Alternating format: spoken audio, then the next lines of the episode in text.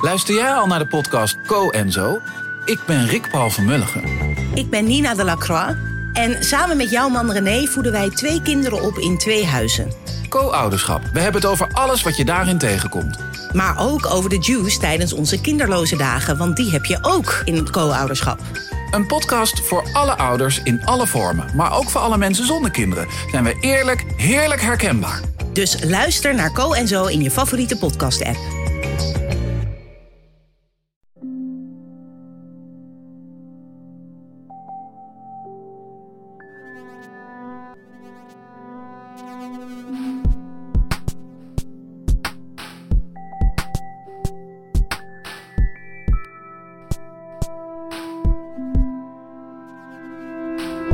Hey, dit is Relaas, waarin iemand een verhaal vertelt over iets dat hij zelf heeft meegemaakt. Door elkaar verhalen te vertellen leren wij elkaar beter kennen en daardoor kunnen we elkaar ook beter appreciëren. Maar heel soms is het water heel diep tussen elkaar, vooral tussen volkeren met heel verschillende culturen. Je kent dat, dan is het echt moeilijk om elkaar te begrijpen of te appreciëren. Dit verhaal is er zo eentje. We gaan luisteren naar het verhaal van Dimi. En het start heel vreemd, dat eh, moet ik helemaal toegeven. Maar in dit verhaal hoor je hoe moeilijk het soms is om iemand te begrijpen die andere gewoontes heeft, iemand die een andere cultuur heeft.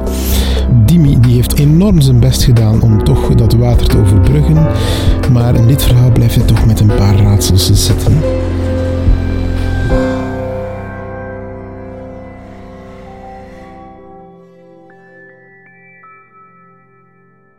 Vandaag, dag op dag, vijf jaar geleden, liep ik rond in Wit-Rusland.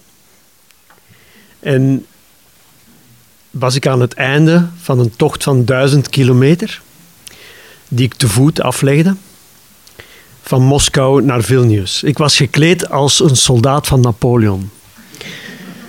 Echt waar. Ik was niet alleen, mijn beste vriend Karsten deed ook mee. En we deden dat niet zomaar, dat was een filmproductie. Er was wel geen crew, we waren alleen. Maar we hadden een camera we filmden ons en we filmden de mensen. En, uh, en we deden dat niet zomaar. We deden dat omdat we exact dag op dag 200 jaar na Napoleon daar waren. En, en ons exploot was eigenlijk een soort van herdenking van een fiasco. Een monument voor een mislukking. Meestal worden oorlogen gevierd omwille van de overwinning. Nee, wij wilden het langste kerkhof van de geschiedenis aflopen. Want tussen Moskou en Vilnius liggen er 500.000 Franse soldaten begraven. En uh, dat boeide ons om dat te doen exact 200 jaar na de feiten. En daar ook met de mensen over te communiceren. En dus vandaag, dag op dag 205 jaar na Napoleon, uh, wil ik jullie het verhaal van Alexei vertellen. Het was 30 oktober 2012 en wij hadden net een paar dagen doorgebracht bij een vriend, uh, monsieur Jan, die in uh, Borodino woonde. En dat is uh, wat Waterloo is voor België, is Borodino voor Rusland. Namelijk een, een plek waar Napoleon wel gewonnen heeft, maar vervolgens heeft hij dan toch verloren. Dus is dat eigenlijk wel een plek met een enorme uitstraling voor de Russen, want daar hebben ze Europa op zijn donder gegeven. En uh, wij hadden uh, genoeg gerust, we konden er weer tegen. En wij liepen van Mozhaisk, dus van Borodino, naar uh, Vyazma. Maar ook al loopt daar een grote snelweg, um, wij wilden de echte, authentieke route, zoals je de Camino de Santiago hebt met al die gele pijlen en zo. En zo van, oh ja, al die kleine paadjes, ook al loop je soms kilometers lang naast de snelweg. Wij wilden de authentieke Smolenskaya Daroga, de weg naar Smolensk, volgen. En die ligt daar niet. Dus liepen wij in de bossen. Het had gesneeuwd. Maar het was ook aan het regenen. En ja, als er zo 20 centimeter sneeuw ligt en het is echt pijpenstelen aan het regenen, dat duurt het niet lang of je bent echt kletsnat. En dus wij, wij liepen verloren in de bossen tussen Mosjaisk en Gagarin. Op weg naar een dorp dat heette Batjuskovo. En eh, op kompas, zo, echt kletsnat met onze zware rugzakken. En eh, op een gegeven moment geef ik toe aan Karsten, ik zeg, ik weet het echt niet meer. Ja, nog even door, kom, we gaan door, we gaan door. En we komen aan een spoorlijn. En naast die spoorlijn ligt een weg. En we volgen dus die weg. Ah een spoorlijn. Die, ah ja, en ik kijk op mijn kaart. Dat is, de, dat is de spoorweg die naar Gagarin loopt. We zijn gered. Dan komt er plots een hond uit, de, uit het bos gelopen. Maar zo, denk, oh ja. En was zo'n jonge, dartele hond. En die, die negeerde ons. Die liep eigenlijk voor ons uit. Alsof wij zijn baasjes waren. Zo echt zo dartel, dartel. En vijf minuten later, uit het bos, een jager. Die knikt zo naar ons. En zet zich tussen, tussen die hond en ons. En we lopen achter die jager, zwijgend. En nog een paar minuten later, nog een jager. Oké, we wandelen.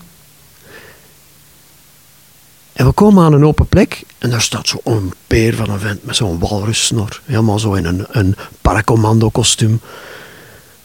En de mannen houden halt, de hond houdt halt. En we moeten kennis maken. Ja, Alexei. Ik ben Alexei, zegt hij. Dus we maken kennis.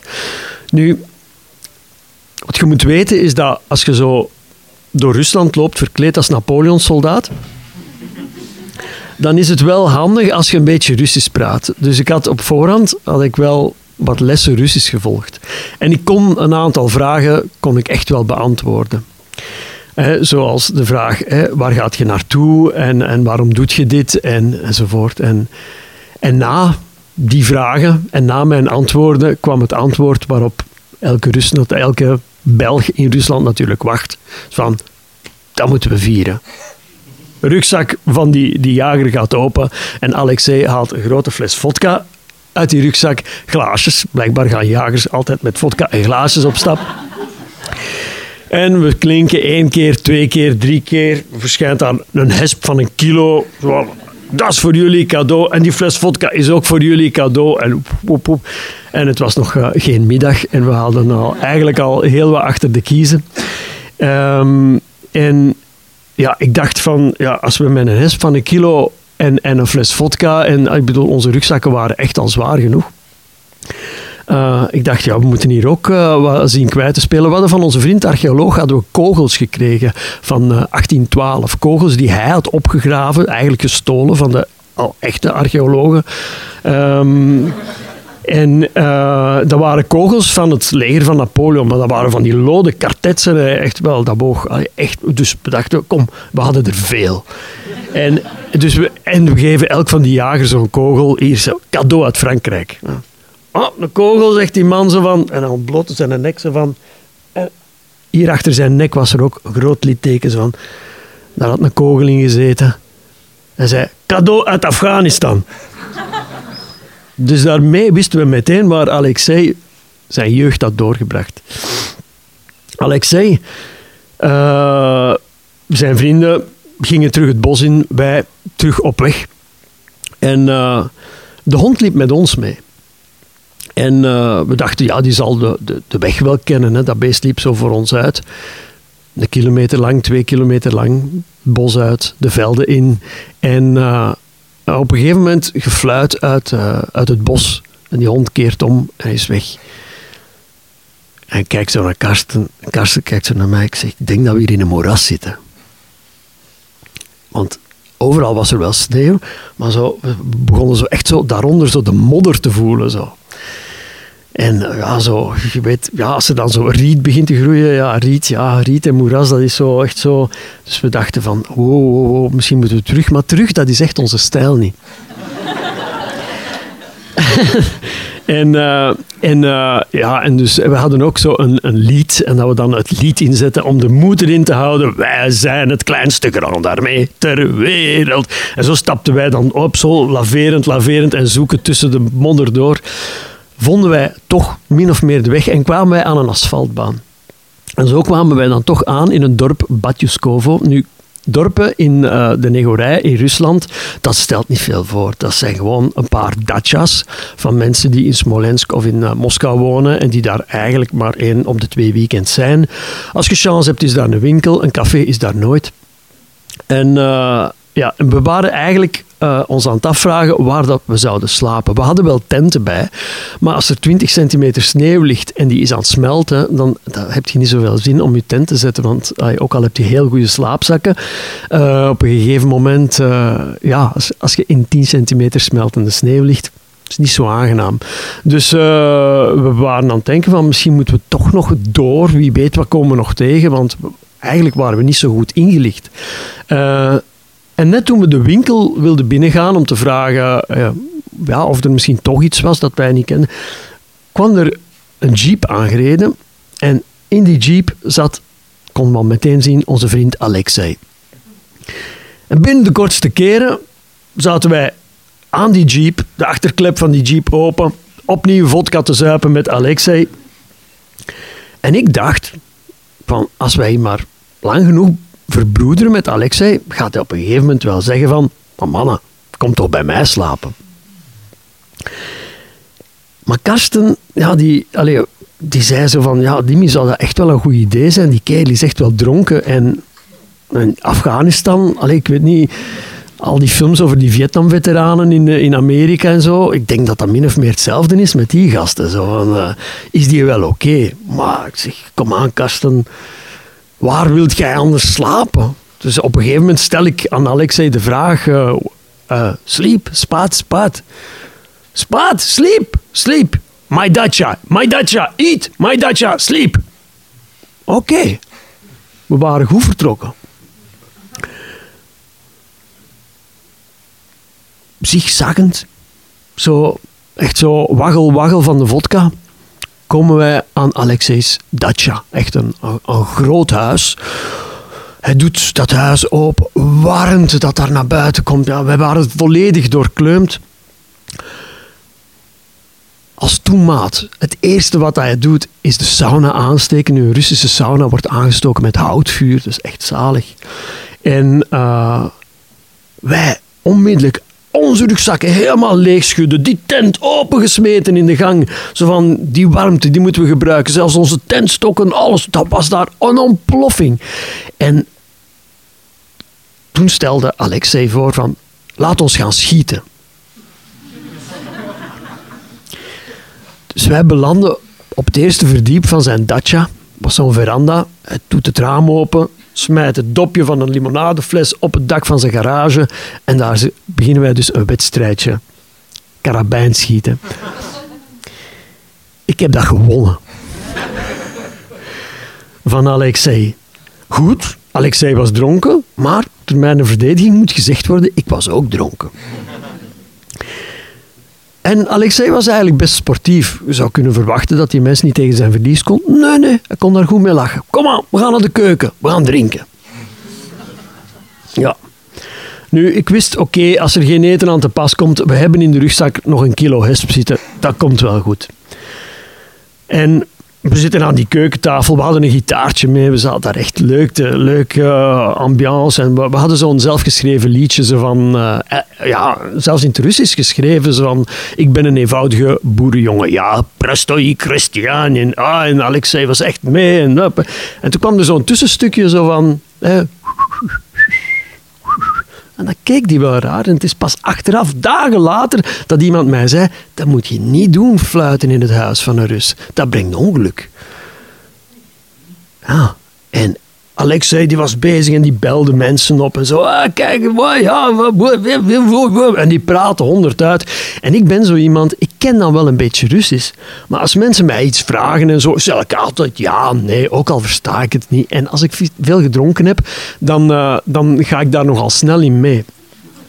En, uh, en hij ratelde honderd uit en op een gegeven moment belde hij zijn moeder op. Hè? Olga Alexeyevna, kom je niet af, want ik heb hier twee leuke gasten. Uh. En oké, en een kwartier later komt daar ineens een vrouw in huis. Maar de toverkool uit Sneeuwwitje is er niks te... En die begint daar tegen haar zoon te zeggen van... Wat heb je nu in huis gehaald, Alexei? Maar dat zijn dieven en zie eens wat ze in de gang allemaal gedaan hebben. En, en, en, en kom, weg ermee, weg ermee. Dat zijn zelfs geen Russen. Dat... En Alex zei, en, en, toen, en, en toen begon hij echt zo een pleidooi. Hij viel op zijn knieën. En zei, Olga Alexeyevna, alsjeblieft. En hij, en hij kuste haar handen en hij kuste haar voeten. En hij, en hij stond recht en hij legde zijn hand in, in, in, haar, in haar boezem. En, oh, en alsof zij helemaal niet die toverkol was die, die wij in haar zagen. Alsof zij echt een zalig, vriendelijk moedertje was. En misschien was ze dat ook voor hem. Maar tegen ons bleef ze maar.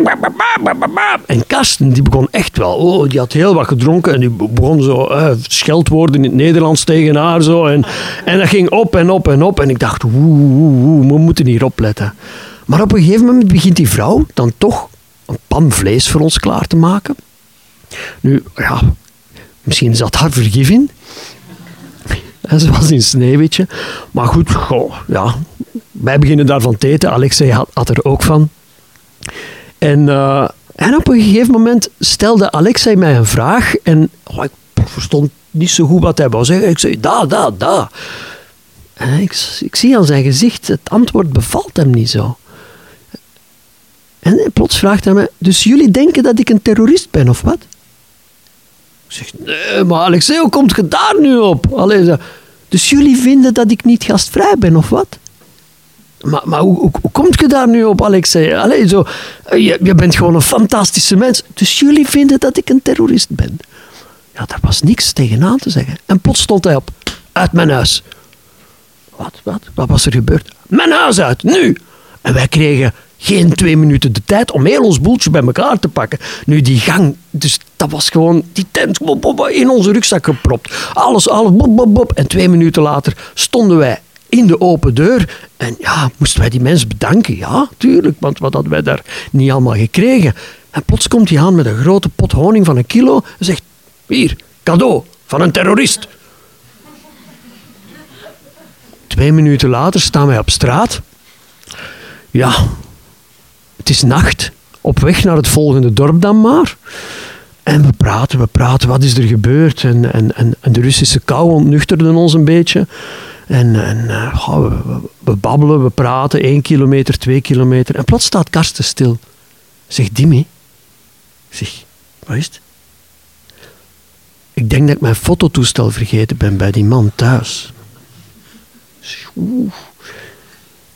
En mijn paspoort. ik zeg, oh, Karsten. Ja, ik zeg... Uh, ah, ineens bedacht ik... Alexei had ons zijn telefoonnummer gegeven. Dus ik bel hem op. We hadden zo'n Russische telefoon. En, uh, en ik zeg... Uh, gelukkig was die man niet in de sauna of was die nog niet aan het slapen. Was die ook niet zo dronken dat hij niet mijn vraag verstond. En na een beetje zoeken zei ja, uw toestel ligt hier, paspoort ligt hier ook. Mogen wij dat komen halen? Da. Oké, we komen eraan. Dus wij terug naar daar. Maar die s'nachts, die datchas, die lijken allemaal op elkaar. Dus wij vonden dat huis gewoon niet meer. En die telefoon die ging maar over en over en steeds meer opnieuw die zei, waar blijven jullie? En, en ik, wist, ja, ik zeg, kom, we, we, we, komen eraan, we komen eraan, we gaan het vinden.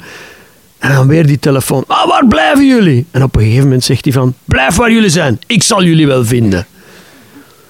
Ja, nu kreeg ik echt schrik. En, en ja, we wisten, Karsten en ik, we wisten echt niet wat doen. Wat moesten wij nu vluchten? Nee, want, want hij had echt paspoort nodig. En shit, Karsten, die, ja, en ik hoorde een geluid van een jeep. En, uh, als in een film, weet je wel, zo van die straat en dan die koplampen die zo dichterbij komen. Ah ja, en die deuren die open gaan en, en twee figuren die uitstappen. En ik denk, ja, die gaan geweren bij hebben. En die gaan ons afknallen. En, uh, en Alexei komt op, op ons af. Ah, dus jullie vinden dat ik een terrorist ben? Het was duidelijk nog niet gedaan. Hier is het toestel. Hier is uw paspoort. En hier, nog een sjaal. En voor u ook een sjaal.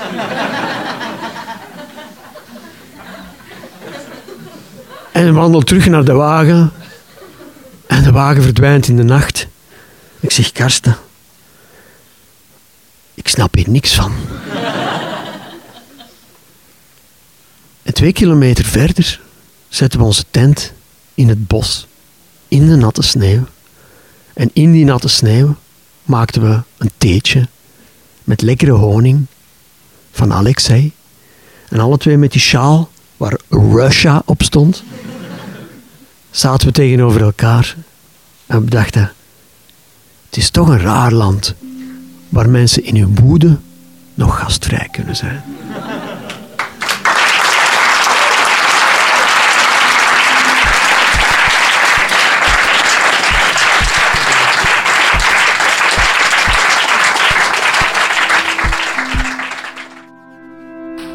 Dat was het relaas van Dimi. Hij vertelde het op het podcastfestival. Dat was eind 2017 in december. Het is zo dat we dat festival zelf georganiseerd hadden samen met een tiental andere Vlaamse podcasts. Mochten we daar op een podium staan en onze verhalen vertellen. En we doen niet liever, dat weet je. Ik weet nog heel goed, we zaten in een intiem zaaltje, een soort klein rotonde zaaltje. Het was een beetje een circus, maar dat zaaltje was tot aan de nok gevuld. Er zaten eigenlijk denk ik dubbel zoveel mensen in dan dat erin mochten. Er is daar een geniale foto van gemaakt waarin je kan zien hoe gezellig het daar is. We hebben hem op onze website gezet, www.relaas.be en dan doorklikken naar het verhaal van Dimi. En over foto's gesproken, ik weet niet of jij je kan voorstellen hoe dat eruit ziet. Zo twee soldaten, twee wandelaars die verkleed zijn als soldaten van Napoleon. Um, maar wij hebben er een geniale foto van gevonden. We hebben die ook op onze Facebook gezet. Um, dus als je dit verhaal gehoord hebt, dan kan ik me inbeelden dat je van alles voorstelt bij die mensen, hoe ze eruit zien. Zo twee wandelaars verkleed als soldaten. Wel, de foto staat op onze Facebook. En uh, toen ik hem voor de eerste keer zag en ik had het verhaal al gehoord, toen verscheen er een enorme glimlach op mijn uh, gezicht. Dus doe dat eens. Surf naar onze Facebook of onze website en daar kan je de foto met de soldaten uh, zien. Dimitri en zijn compaan. En de documentaire die ze gemaakt hebben, die heet World's Smallest Grand Armée. We hebben daarvan ook de trailer op onze website gezet. De moeite om eens te bekijken. Relaas is een maaksel van een hele groep mensen, allemaal mensen met een naam. Ik noem ze één voor één. Evita Nocent, Anneleen Schelstraat, Timon van de Voorde, Sarah de Moor, Charlotte Huigen, Wouter Dupré, Sarah de Smet, Egwin Gontier, Lee Haman, Dieter van Huffel, Ruby Bernabeu Plaus, Stefan Gruijaert, Sarah Latré, Philip Cox, Marleen Michels, Katlijne de Vries, Steve Konaar en ikzelf ben Pieter Blomme. Mocht je zelf een idee hebben voor een verhaal, laat ons dat zeker weten. Wij helpen jou vooruit om dat te vertellen, om dat goed te vertellen. Je krijgt van ons dan een verhalencoach en die helpt jou stap voor stap tot jouw verhaal goed zit en totdat je het op een podium kan brengen. Tot een van de volgende.